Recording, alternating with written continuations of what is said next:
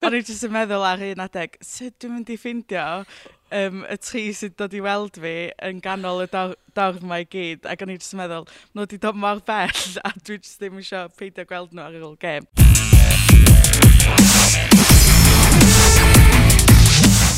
Helo, a chroeso i benod arall o'r Sgarmes Ddigidol. Dwi'n ôl yng Ngwestyr Fro a dwi'n falch o ddeud bod na ddwy chwaraewraig arall yn ymuno efo ni ar gyfer y podcast yr wythnos yma. Felly, croeso mawr i'r capten Siwan Lilycrap ac i Gwenllian Pyrrhus. Helo. Helo. Llian, dwi'n mor falch bod na gog ar y podcast efo fi, achos dwi'n teimlo fatha bod fi'r unig un yn aml iawn. Dim byd yn erbyn y ddwy, y pedair gwestai arall ni wedi cael, ond dwi'n falch bod na gog yma. Sori, Siwan. Ti'n bias i ti? ti gychwyn gan bod gennych chi ddim gêm yr wythnos yma wrth edrych yn ôl uh, ar y gêm yn erbyn Lloegr. Oedd honna, Siwan, wastad yn mynd i fod eich her a nodda chi yn doedd yn y bencampwraeth yma. Ie, yeah, ti'n gwybod, pan o'n i edrych ar ôl ar y gêm, yr 15 munud cyntaf, fi'n credu o'n i'n really wedi ratlo Lloegr. Um, o'n i ddim yn gwybod beth i wneud ac um, ti'n gwybod, ar ôl hynny, dath nhw'n pretty grif ato ni, ond uh, oedd pethau wedi mynd falle ddim yn ei ffafr ni, ond ie, um, yeah, mae rai pethau yn y gêm na ni'n gallu really cymeryd positives o, ond byddwn ni'n dysgu mor gymaint o hynna. O'n nhw wedi dangos bod nhw'n tîm gorau yn y byd a maen nhw'n ddim wedi colli am 21 gêm am reswm, ond maen nhw'n tîm arbennig o ddar, ond um, ni'n gallu dysgu llawer o'r gêm na. Sut ydych chi'n teimlo cyn y gêm, Gwyn Llian? Um, da ni just, nathon ni just partoi fel oedden ni i bob un gêm arall. Um, da ddim yn gêm wahanol. Um, Ac gan bod ni wedi ennill y ddwy gêm gynta, um, ac o hyn yn tîm garan byd, do'n ni'n andros o lot o bwysau yn ni. Um, ond dwi'n meddwl oedd y genod um, eisiau chwarae gorau oedden ni'n gallu. Ie, yeah, fi credu, ti'n gwybod, mae ddim gemau'n dod yn gwell na Cymru yn erbyn Lloegr yn, yn unrhyw chwaraeon na um, yn rygbi hefyd, mae ma, ma fe'n enfawr, so hyd yn oed fod nhw cyntaf yn, yn y byd, a ni'n tipyn bach lawr am hynny, ni, ni wastad yn mynd i gwybod bod yn mynd i fod yn battle, batal ddara. Oedd e'n gêm oedd gyd o'r ferched lan ni yn, yn, yn definitely. Ac yn bendant y dorf wedi helpu hynny, achos yna y nifer fwyaf o dorf i gêm gartra Lloegr erioed, Gwynllian. Oeddech chi'n clywed y dorf yn yr ystafell newid cyn y gêm? Um, disgrifia chwarae o flaen gymaint o hynna? o gefnogwyr i fi? Um, oedd o'n anhygoel, really. Um, dwi'n meddwl o'n dros 14,000 uh, yna, ac um, just mynd allan i gan i'r anthem ac y dorf, oedd o just yn anhygoel. Ond yn y gêm, dwi'n meddwl, ar un adeg, do'n i just ddim yn clywed yn byd, just eich chareiddi'r lle. Ac... Felly nes di rhyw fath o zonio allan? Do, mewn ffordd. Um, a just, um, yeah, concentrate ar beth sy'n o flaen ni lle. Dwi'n gweld chdi nodio'n cytuno fan Siwan. Ie, yeah, oedd y torf yn wych. Oedd yn uh, special iawn i chwarae stadiwm, oedd yn llawn, a oedd hwnna, ti'n gwybod, ni ddim byth wedi cael hwnna, ond dim ond pan i yn Ffrainc, a ni wedi teimlo hwnna o blaen, ond oedd nhw'n yn, yn, yn real, ond uh, fi'n cytuno gyda Gwenu, pan ti ar y, ar y ca, ti'n gwybod, ti'n colli bach o hwnna, oherwydd ti'n ffocysu ar beth sy'n o, o blaen chi a ddim yn gallu clywed beth sy'n mynd mlaen gyda ni. Ond ti'n ar, ar adegau pan line-out specifically, oedd yn anodd oedd rhaid i ni rileio um, messages oherwydd oedd, oedd nhw yn, yn, nhw yn, yn wedig pan ath Lloegr ymlaen wedyn. I think they got louder as, as, as the game went on. Yeah, do. A dda ti'n sôn, cyn i ni ddechrau recordio goen llian, oeddech chdi'n poeni bod chdi'n mynd i gallu ffeindio dy ffrindiau, dy deulu ar ôl y gêm, achos bod yna gymaint o dorf yna. Ie, yeah, oedd. Um, o'n i jyst yn meddwl ar un adeg, sut dwi'n mynd i ffeindio um, y tri sydd dod i weld fi yn ganol y dorf mae gyd, ac o'n i jyst yn meddwl, nhw wedi dod mor bell, a dwi jyst ddim eisiau peidio gweld nhw ar ôl gêm. Ond na, oedd nhw wedi dod lawr um, at y cae a gwythio twnel, ac o'n nhw wedi gweiddian fi pan nes i ddod. Dwi'n falch bod chi wedi ffeindio nhw.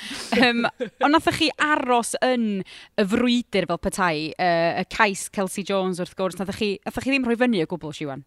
Na, ti'n mae ma llawer o cymeriad yn, yn, yn, y, yn y gyrfan, yn y sgwad, ac o'n i'n gwybod ni'n gallu uh, creu bach o styr ac um, defnyddio beth ni wedi gweithio arno yn treino i, i mantais ac um, yeah, oedd hwnna o'n i, angen hwnna ac um, falle oedd adegau arall fi wedi gwylio'r gêm nôl cwbl o weithiau ers ni ac uh, o'n nhw yn uh, mesur ni, o'n i 5 metr o trailain ni, ac o Kelsey wedi torri a oedd actually Cira Bevan a, a Jasmine Joyce gyda hi a oedd, oedd y ref wedi blwy'r chwiban a roi scrum i ni a fel ni, os, os oedd hi wedi gweld bod ni ffordd fi'n credu bod Jazz Joyce a wedi sgorio fanna. So ti'n oedd, oedd cwbl o pethau arall allan na ble gallwn ni falle wedi cael cwbl o pwyntiau arall ar, ar, ar y bord ond ie, yeah, mae llawer o cymeriad yn, yn y sgwad ac tiwod, a dim adeg o'n i wedi roi lan ac roi fyny a oedd pob un wedi gweithio'n galed tan, tan y diwedd. So, ti'n mynd i'n gallu cymryd, cymryd llawer o hynna yn union. Oedden ni'n gallu gweld bod yna chydig bach o banter neu eiria rhyngdda chi a genod Lloegr be'n union gafodd ei ddeud neu da ni methu ailadrodd o ar y podcast? Wel, oedd llawer, wel, fi e ddim credu oedd yn banter, oedd fi'n credu pan chi'n uh, mynd ar y car ac chwarae yn erbyn Lloegr, mae friendships a popeth arall yn mynd allan o'r, uh, or window, ond tiwod, ar ôl y gêm, mae pob un yn, yn ffrindiau eto, ond yn yr 80 munud hynny, mae'n ma, ma battle ac mm. uh, o'n i'n teimlo fe yn, yn y contact, ond hefyd, ie, yeah, oedd, oedd cwbl o geiriau wedi cael eu exchange o. Nawn ni ddim ailadrodd nhw ar y pod. Um, Gwellian, mae Lloegr yn dîm môr gry, ond ydy hwnna yn rhywbeth i chi anelu ato fo, gan weld lle, pa mor bell maen nhw wedi dod mewn tair mlynedd. Dych chi, mond tri mis i fewn i'r cytundebau proffesiynol yma. Ydy hwnna'n dangos i chi be, be sy'n bosib? Yndi, mae o. Mae, um, mae Lloegr wedi dod mor bell yn y dair mlynedd diwetha, a da ni jyst yn dechrau, da ni.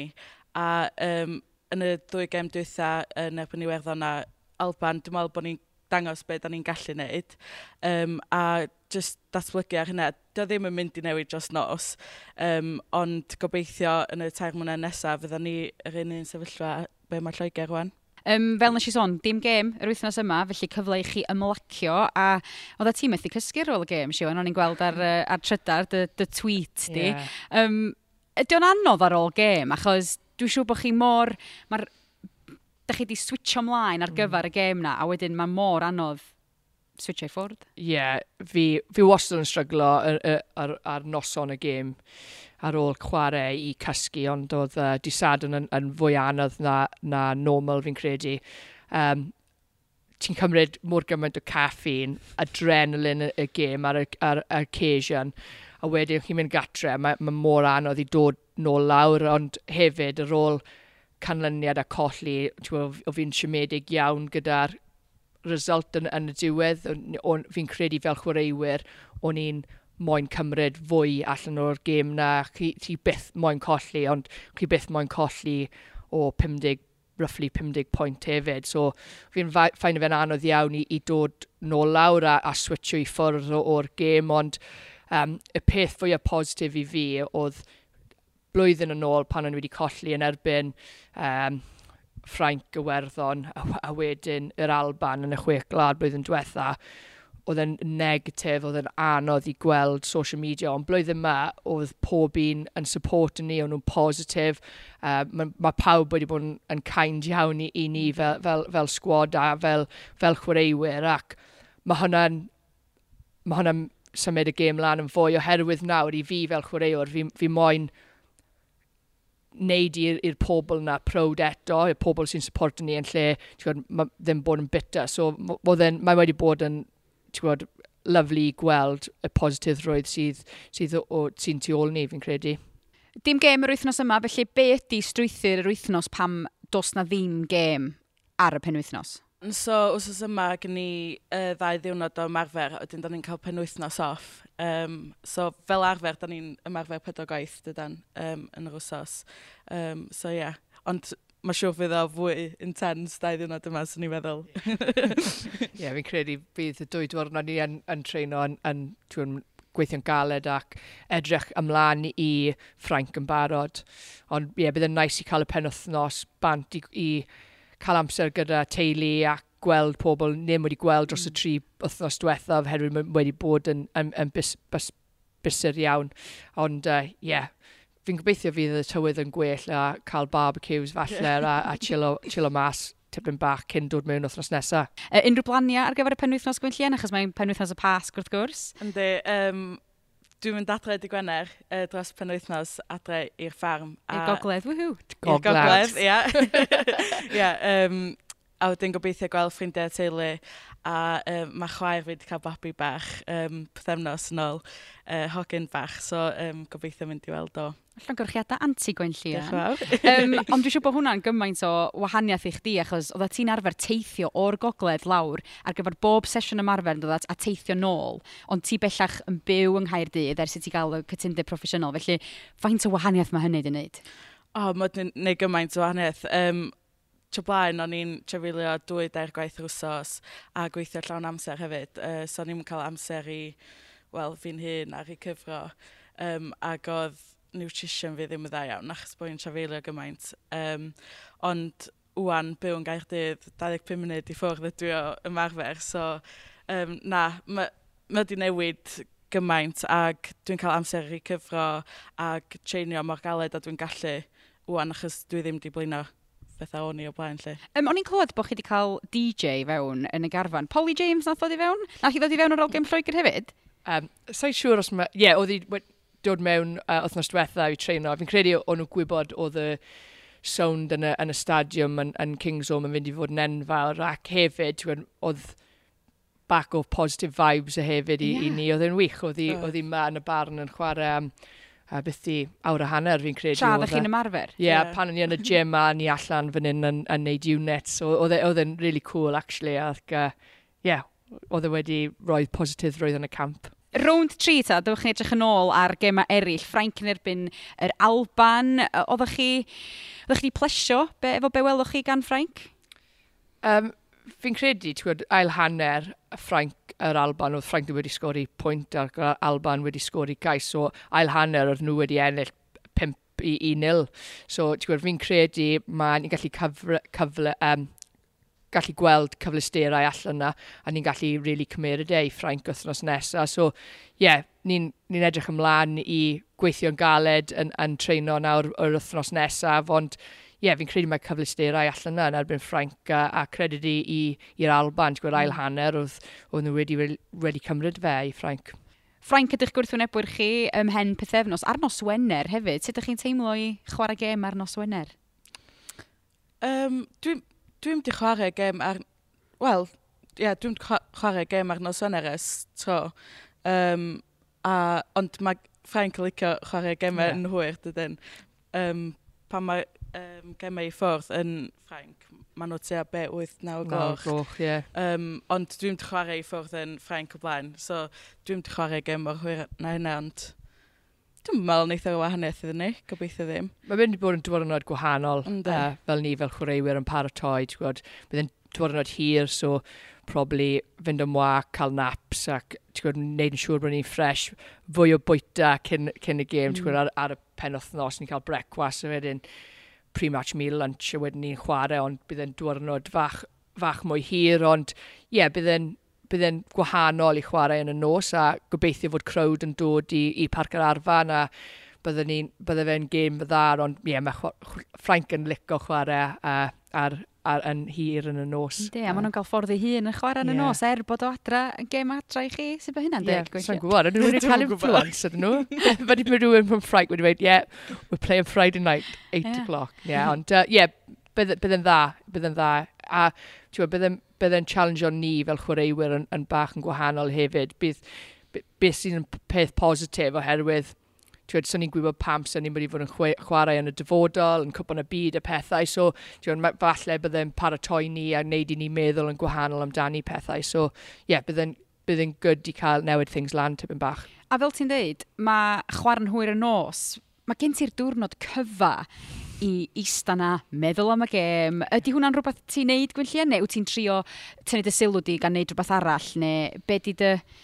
Be ti'n meddwl fydd, fydd y di wneud yn y, ar y di Gwener yna? Um, fel arfer ar diwrnod gêm, dwi'n trio peidio meddwl gormod amdano fo, achos mae dwy gêm dwythau ni hefyd wedi bod yn reit tir, do, mm. chwarter i bimp, kick-off.